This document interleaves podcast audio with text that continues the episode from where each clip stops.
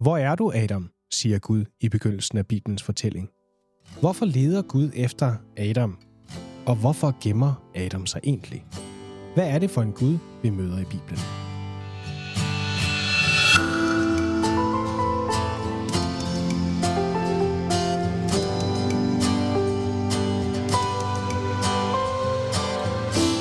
Velkommen til podcasten Den Store Fortælling, der tager dig på en kronologisk rejse gennem Bibelen fra start til slut. I studiet har vi Torben Rasmussen, underviser og friluftsmand, Andreas Møller, filosof og musiker, og mig selv, Robert Sand, ingeniør og teolog. Velkommen til. Det var en fin introduktion, Robert. Men hvad tænker du egentlig, det betyder, at vi gerne vil tage vores lyttere med på en kronologisk rejse gennem Bibelen? Jamen Torben, jeg tænker lige meget, hvor meget man kender til Bibelen, så kan det være svært at se sammenhængen. Altid at bevare overblikket og, og forstå, hvad Bibelen prøver at fortælle os om. Og måske har man hørt en enkelt historie fra Bibelen, det er histopist. Men vi vil gerne prøve på at sætte historierne i en sammenhæng i den rækkefølge, de bliver fortalt. Ja, Andreas, vi vil ikke bare tage Bibelen kapitel for kapitel, men vi vil gerne give en guided tur gennem hovedbegivenhederne, så vi på den måde får en fornemmelse af den store fortælling i Bibelen. Jeg oplever i hvert fald selv, at vi får sat nogle af de her historier på plads på en ny måde, hvor vi virkelig begynder at fornemme, hvor det er skoen trykker. Hvad er det, der er kerne i de her historier, og hvad er det, der er på spil? Så lad os lade Bibelen selv fortælle historien og starte fra begyndelsen.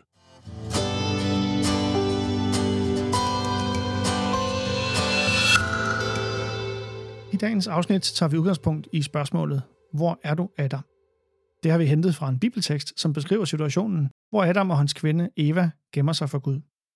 Jeg læser her fra 1. Mosebog, eller fra det, som man kalder begyndelsen i Bibelen 2020, og kapitel 3. Og for de af jer, der følger med i jeres Bibel, er det fra vers 8 til vers 15. Om aftenen hørte manden og hans kvinde Gud gå rundt i haven, og de gemte sig for ham ind mellem træerne. Gud kaldte på manden. Hvor er du, råbte han. Manden svarede, jeg hørte dig godt komme gående, men jeg var nøgen. Jeg blev flov og skyndte mig at gemme mig. Hvem har fortalt dig, at du er nøgen? spurgte Gud. Sig mig, har du spist frugt fra træet, som jeg forbød dig at spise af? Manden svarede, det var kvinden, du selv har skabt til mig, der gav mig en frugt, og så spiste jeg den. Gud vendte sig mod kvinden. Hvad er det, du har gjort? spurgte han. Det var slangen, der fik mig til det, sagde hun. Det var derfor, jeg spiste af frugten. Nu sagde Gud til slangen. Fordi du har gjort det, skal du være det mest forbandede af alle dyr. Lige så længe du lever, skal du kravle på maven og æde støv. Du og kvinden vil altid være fjender, ligesom dit og hendes afkom. Mennesket vil knuse hovedet på dig, og du vil hugge ud efter menneskets hæl. Vi er kommet ind i historien på et tidspunkt, hvor manden og kvinden de gemmer sig. De føler sig udsat. De føler sig nøgne. Og her går Gud ind i haven og spørger Adam, hvor er du, Adam? Hvad er det, der øh, er på spil her? Det vi er vidne til her er mennesket, som har gjort oprør mod Gud. De har lyttet til slangen, frem for hvad Gud har sagt. Og slangen har slået tvivl om sandheden i det, Gud har fortalt Adam og Eva fra begyndelsen. At der var et træ i haven, hvor der var en frugt, de skulle holde sig fra at spise. Fordi hvis de gør det, så vil det få konsekvenser. De vil få en viden og en erfaring om ondskab, som Gud vil holde dem fra. Men slangen har sagt, der kommer ikke til at ske noget.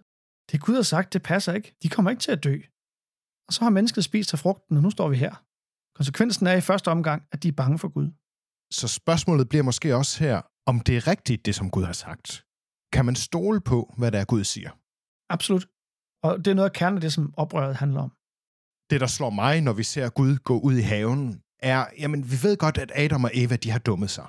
Men når Gud går ud og spørger Adam, hvor er du? Så siger det altså noget om en Gud, som ikke bare lader mennesket være alene, når de har forbrudt sig mod, hvad det er, han har sagt.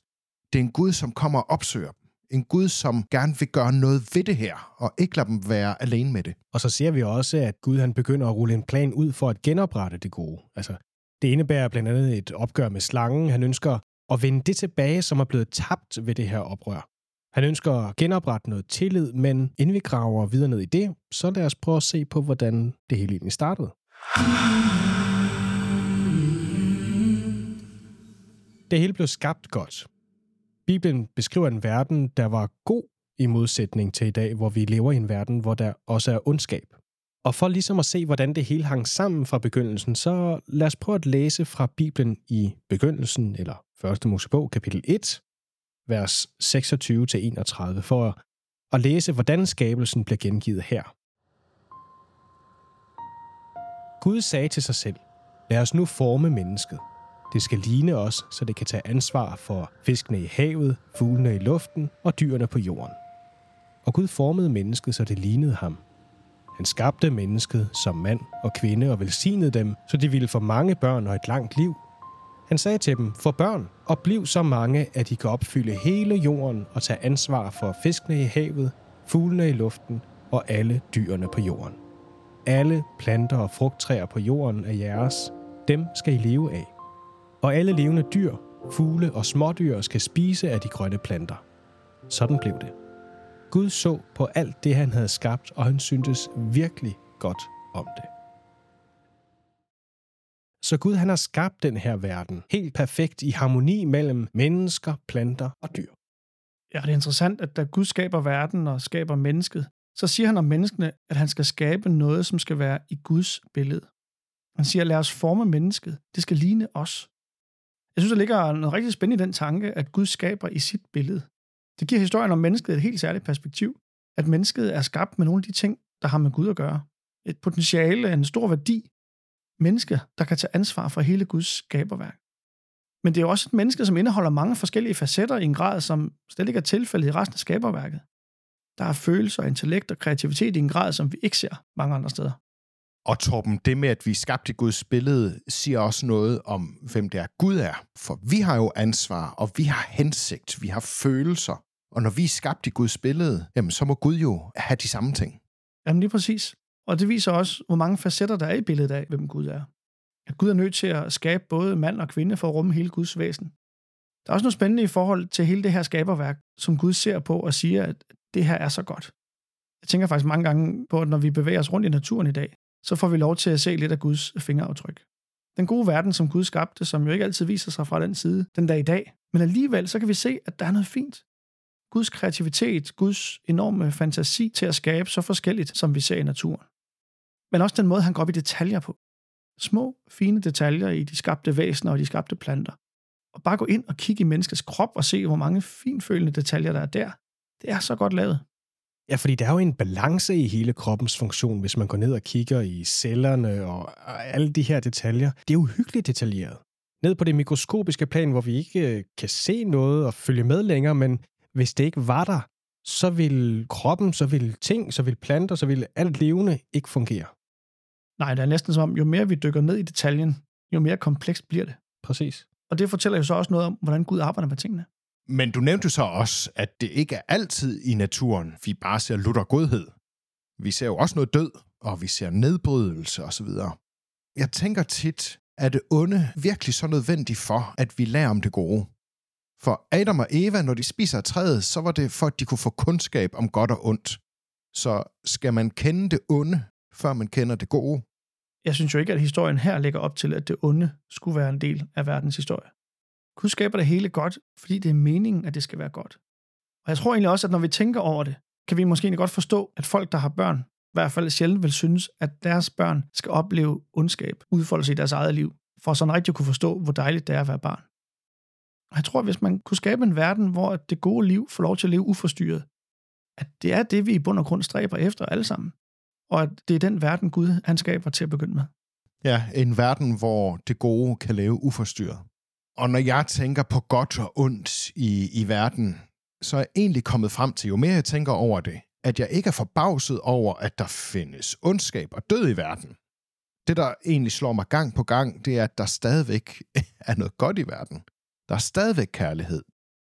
Nogle gange ser man folk, som bare sådan helt selvopoffrende, hvor man tænker, hvor har de fået det fra? Måske er der der tegn på det gode, og at Gud ikke har forladt verden endnu. Ja, det tror jeg.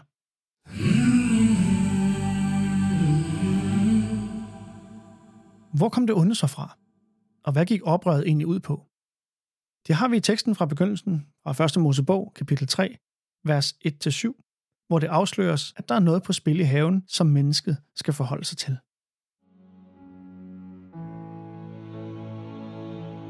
Af alle de dyr, Gud havde skabt, var slangen det mest udspekulerede. En dag spurgte den kvinde, kan det virkelig passe, at Gud har forbudt jer at spise frugt fra træerne i haven? Selvfølgelig må vi spise frugterne, svarede kvinden. Det er kun frugten fra træet midt i haven, Gud har sagt, at vi ikke må spise. Hvis vi så meget som rører ved træet, dør vi. I dør overhovedet ikke, sagde slangen. Det er bare fordi Gud ved, at hvis I spiser af frugten fra netop det træ, kommer I til at kunne se klart og vide besked om både godt og ondt. Præcis som Gud selv. Nu opdagede kvinden, at frugterne på træet ikke bare var appetitlige, men at hun også ville blive klogere, hvis hun spiste af dem. Så hun plukkede en af frugterne og spiste den. Bagefter gav hun en frugt til sin mand, som stod lige ved siden af. Han spiste også.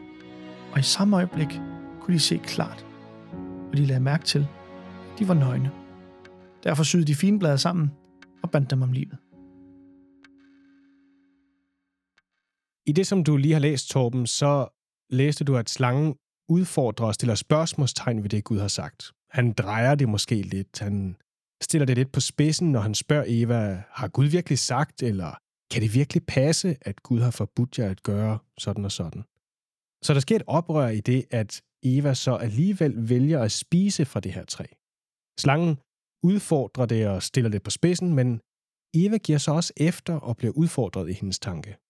Ja, slangen ikke bare sætter tingene på spidsen, men slangen fordrejer også tingene. Så det med, har Gud forbudt jer at spise af alle træerne, det er jo ikke helt sandt. Men alligevel så planter han en eller anden tvivl hos Eva. Og hun ved ikke helt, hvad hun skal gøre. Og så tænker man, jamen altså, hvorfor skal det have så store konsekvenser, at vi spiser af en enkelt mangofrugt, eller hvad frugten nu har været? Ja, ja, fordi spørgsmålet er vel egentlig, hvad stoler de mest på? Altså, de har mødt Gud i haven indtil nu, og nu kommer slangen så og udfordrer det, som Gud han har sagt, og det, som han siger. Vælger de at holde fast i, hvad de kender, alt hvad Gud har sagt til dem indtil nu, eller vælger de at stole på, at der måske ligger noget under, stoler på tvivlen, giver tvivlen lidt plads. Er Gud måske ikke, hvem de tror, han er? Og her er det nok, at mange mennesker egentlig læser historien og tænker på, at det handler om regler. Altså, det handler om, at de bryder Guds regel. I må ikke spise, og så spiste de, og så fik det så store konsekvenser. Men det, der er jo på spil, er netop, at slangen udfordrer menneskene og siger, det passer ikke, hvad Gud har sagt. I kan blive så meget klogere, I kan blive så meget mere perfekte, hvis I spiser. Der er noget, I mangler. Og det er det, der får dem til at tage frugten. De kan faktisk komme tættere på guddommelighed, hvis de får lov til at spise det her træ. Og de begynder at trakte efter det, der er uopnåeligt. Så spørgsmålet bliver egentlig, om de tror på, hvad Gud har sagt, om de har tillid til ham, eller tror de mere på, hvad slangen siger om Gud? Og så spiser de jo af den her frugt, men de dør ikke. Men hvordan har Adam og Evas liv så ændret sig efter det her oprør? Jamen, de ser jo med det samme. Og interessant, at teksten siger, at deres øjne åbnes. De ser klart, og så tænker man, wow, nu kommer åbenbaringen. Og så opdager de, at de ikke har noget tøj på. Altså, de bliver bogstaveligt talt taget med bukserne nede. Og det var måske ikke så fantastisk, det der kom ud af den her frugt. Til gengæld, så er der en virkelighed, som de pludselig bliver klar over. En nøgenhed. De føler sig måske også udstillet, og de bliver bange for, at Gud skal se dem i den her tilstand. Og de gemmer sig jo også for Gud. Og jeg lægger mærke til det, Adam gør, når Gud stiller ham spørgsmålet, hvad skete der, Adam? Så siger han, men det var nogle andres skyld. Han er lynhurtig til at skyde skylden på andre. Han tager ikke ansvar. Og det er vi altså også ret gode til. Og der kan man altså også se, at vi også er et sted efter oprøret i dag. Ja, fordi det er den første gang, den her, som vi kender så godt i dag, med bare at skyde skylden videre på, over på nogle andre, eller forsøge at undgå at tage ansvar for noget som helst. Det første gang, vi ser det ske, det var lige her. Og Robert, du spurgte jo, hvordan deres liv ændrede sig. Det ser vi også, at det har store konsekvenser for deres børn. Adam og Eva får to børn. Den første hedder Kain, den anden hedder Abel. Deres historie begynder egentlig med, at de hver især giver gaver af det, de har til Gud. Og Kain gør et eller andet forkert, for Gud tager imod Abels gave, men han tager ikke imod det, som Kain offrede. Og så læser vi, at Kain stiger ned i jorden og er sur. Og her stiller Gud Kain et spørgsmål. Og det er lidt sjovt, ligesom Gud også kommer til Adam og siger, hvor er du henne, Adam? Så kommer Gud også til Kain og stiller ham et spørgsmål. Og det er kapitel 4, vers 6 og 7. Hvad er du så vred over, spurgte Gud. Hvorfor kigger du væk? Du kan roligt se mig i øjnene, hvis det du gør er godt. Men hvis du ikke handler rigtigt, så ligger det onde på lur og vil altid prøve at få fat i dig. Du skal være stærkere end det onde.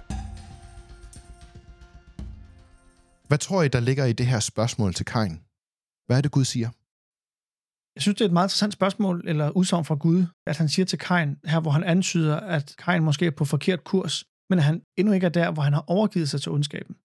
Der ligger stadigvæk et arbejde for Kain, på trods af, at man kan sige, at nu har han allerede gjort noget forkert. Men han er slået ind på en kurs, som vil føre ham et forkert sted hen, og det er det, der er Guds bekymring. Og Gud beder Kain om at være opmærksom på signalerne, på at nu er han på vej et forkert sted hen, og så skal han tage ansvar og sige, jeg kan mærke, at jeg er på vej et forkert sted hen nu, og nu skal jeg tage ansvar for at sætte kursen det rigtige sted hen. Samtidig så er Gud jo egentlig også meget pædagogisk. Han kommer ikke ned og svinger pisken eller, eller noget, men han møder bare Kain med det her spørgsmål og beder ham om selv at reflektere over status quo, og hvor, hvad skal han nu vælge? Og så er vi jo tilbage til det her med, at vi så ofte tænker på, at det handler om at følge regler. At verden med Gud handler om at følge regler, og nu har han brudt reglerne. Men Gud han siger til Kain, at hvis han ikke handler rigtigt, så ligger det onde på lur. I Guds verden er der åbenbart en eller anden skældning imellem, at du godt kan gøre rigtig forkert, men det onde ligger i bund og grund ikke, om du gjorde noget rigtigt eller forkert. Det onde ligger i, om du fortsætter med at ville det forkerte. Ondskaben ligger på lur og vil have fat i dig, og nu skal du tage ansvar. Du har gjort noget forkert, men hvad gør du med det? Det er der, Guds bekymring ligger for os. Og hammeren er der ikke bare med det samme, som du siger, Robert. Så det viser sig, at vi har et valg, og det har vi altid. Gud stiller os altid over for et valg. Selv når vi er i en rodet situation, så siger han, du skal være stærkere end det onde. Så Guds mening med os, os selv efter vi er faldet, er, at vi kan vælge det gode til. Det gør Kain så ikke, for næste gang han ser Abel, jamen så står der næsten, at han lige kommer til at slå ham ihjel, og Gud bliver nødt til at tage nogle konsekvenser af det. Og det er trist, at historien ender sådan. Bestemt. Det sætter ligesom på spidsen, hvordan at alt det gode Gud, han har skabt fra begyndelsen, som vi læste her, allerede er blevet fordrejet og allerede er blevet ødelagt af det onde. Vi er altså så småt ved vejs ende i vores afsnit i dag, og måske skulle vi se lidt på, hvad vi har oplevet, som vi kan tage med os fra den her del af den store fortælling. Altså jeg tænker i hvert fald, at det her med, at vi er skabt i Guds billede i skabelsberetningen, som vi lagde ud med, er rigtig vigtigt. Udover det, at vi er skabt i Guds billede, så er der også det, som vi egentlig ser under oprøret, at Gud han holder fast i vores værdi.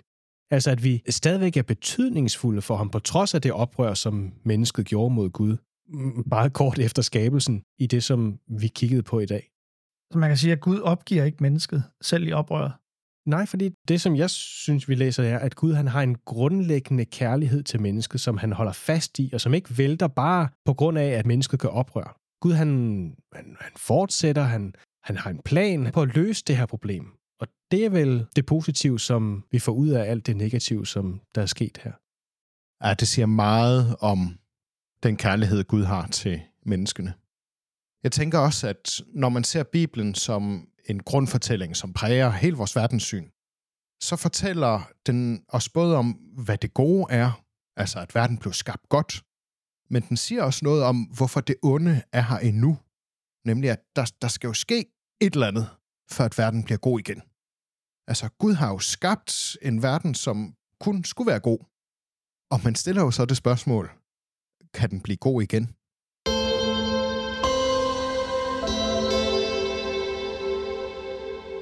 Og med det spørgsmål, så er vores tid slut her for i dag. Vi kan ikke afsløre en hel masse, men vi kan afsløre, at ondskaben, den tager til. Men som vi hentede til lidt allerede før, så har Gud en plan. Også når vi kommer længere frem i historien. Ondskaben, den bliver voldsom, men det samme bliver Guds reaktion også. Næste gang, så er vi tilbage med afsnittet med overskriften Jeg slår børn ihjel, hvis de giver mig en skramme. Og hvad det går ud på, det vender vi tilbage til.